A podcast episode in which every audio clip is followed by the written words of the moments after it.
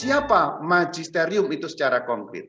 Magisterium adalah wewenang mengajar gereja yang menjelaskan. Lalu konkretnya bentuknya di mana, Pak? Di mana konkretnya, bentuknya apa, dan sebagainya. Mana, Pak? Siapa magisterium itu, Pak? Di mana kita mendapatkan pengajaran mengenai itu? Menurut Katekismus Gereja Katolik 85 dalam versi asli bahasa Latin dikatakan nempe episcopis in communione cum petri successore Romano episcopo. Terjemahan harafiahnya hanya dikatakan seperti ini. Kira-kira berbunyi nempe itu berarti tentulah tentulah uskup-uskup dalam persekutuan dengan penerus Petrus yaitu uskup Roma. Kemudian terjemahan bahasa Inggris membuat penerjemahan yang lebih panjang supaya jelas. Ini artinya tugas menafsirkan dipercayakan kepada uskup-uskup dalam persekutuan dengan pengganti Petrus yaitu uskup Roma.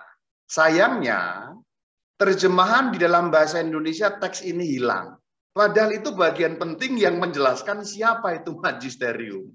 Menurut KGK 85 dikatakan magisterium itu adalah para uskup dalam persekutuan dengan penerus Petrus, uskup Roma.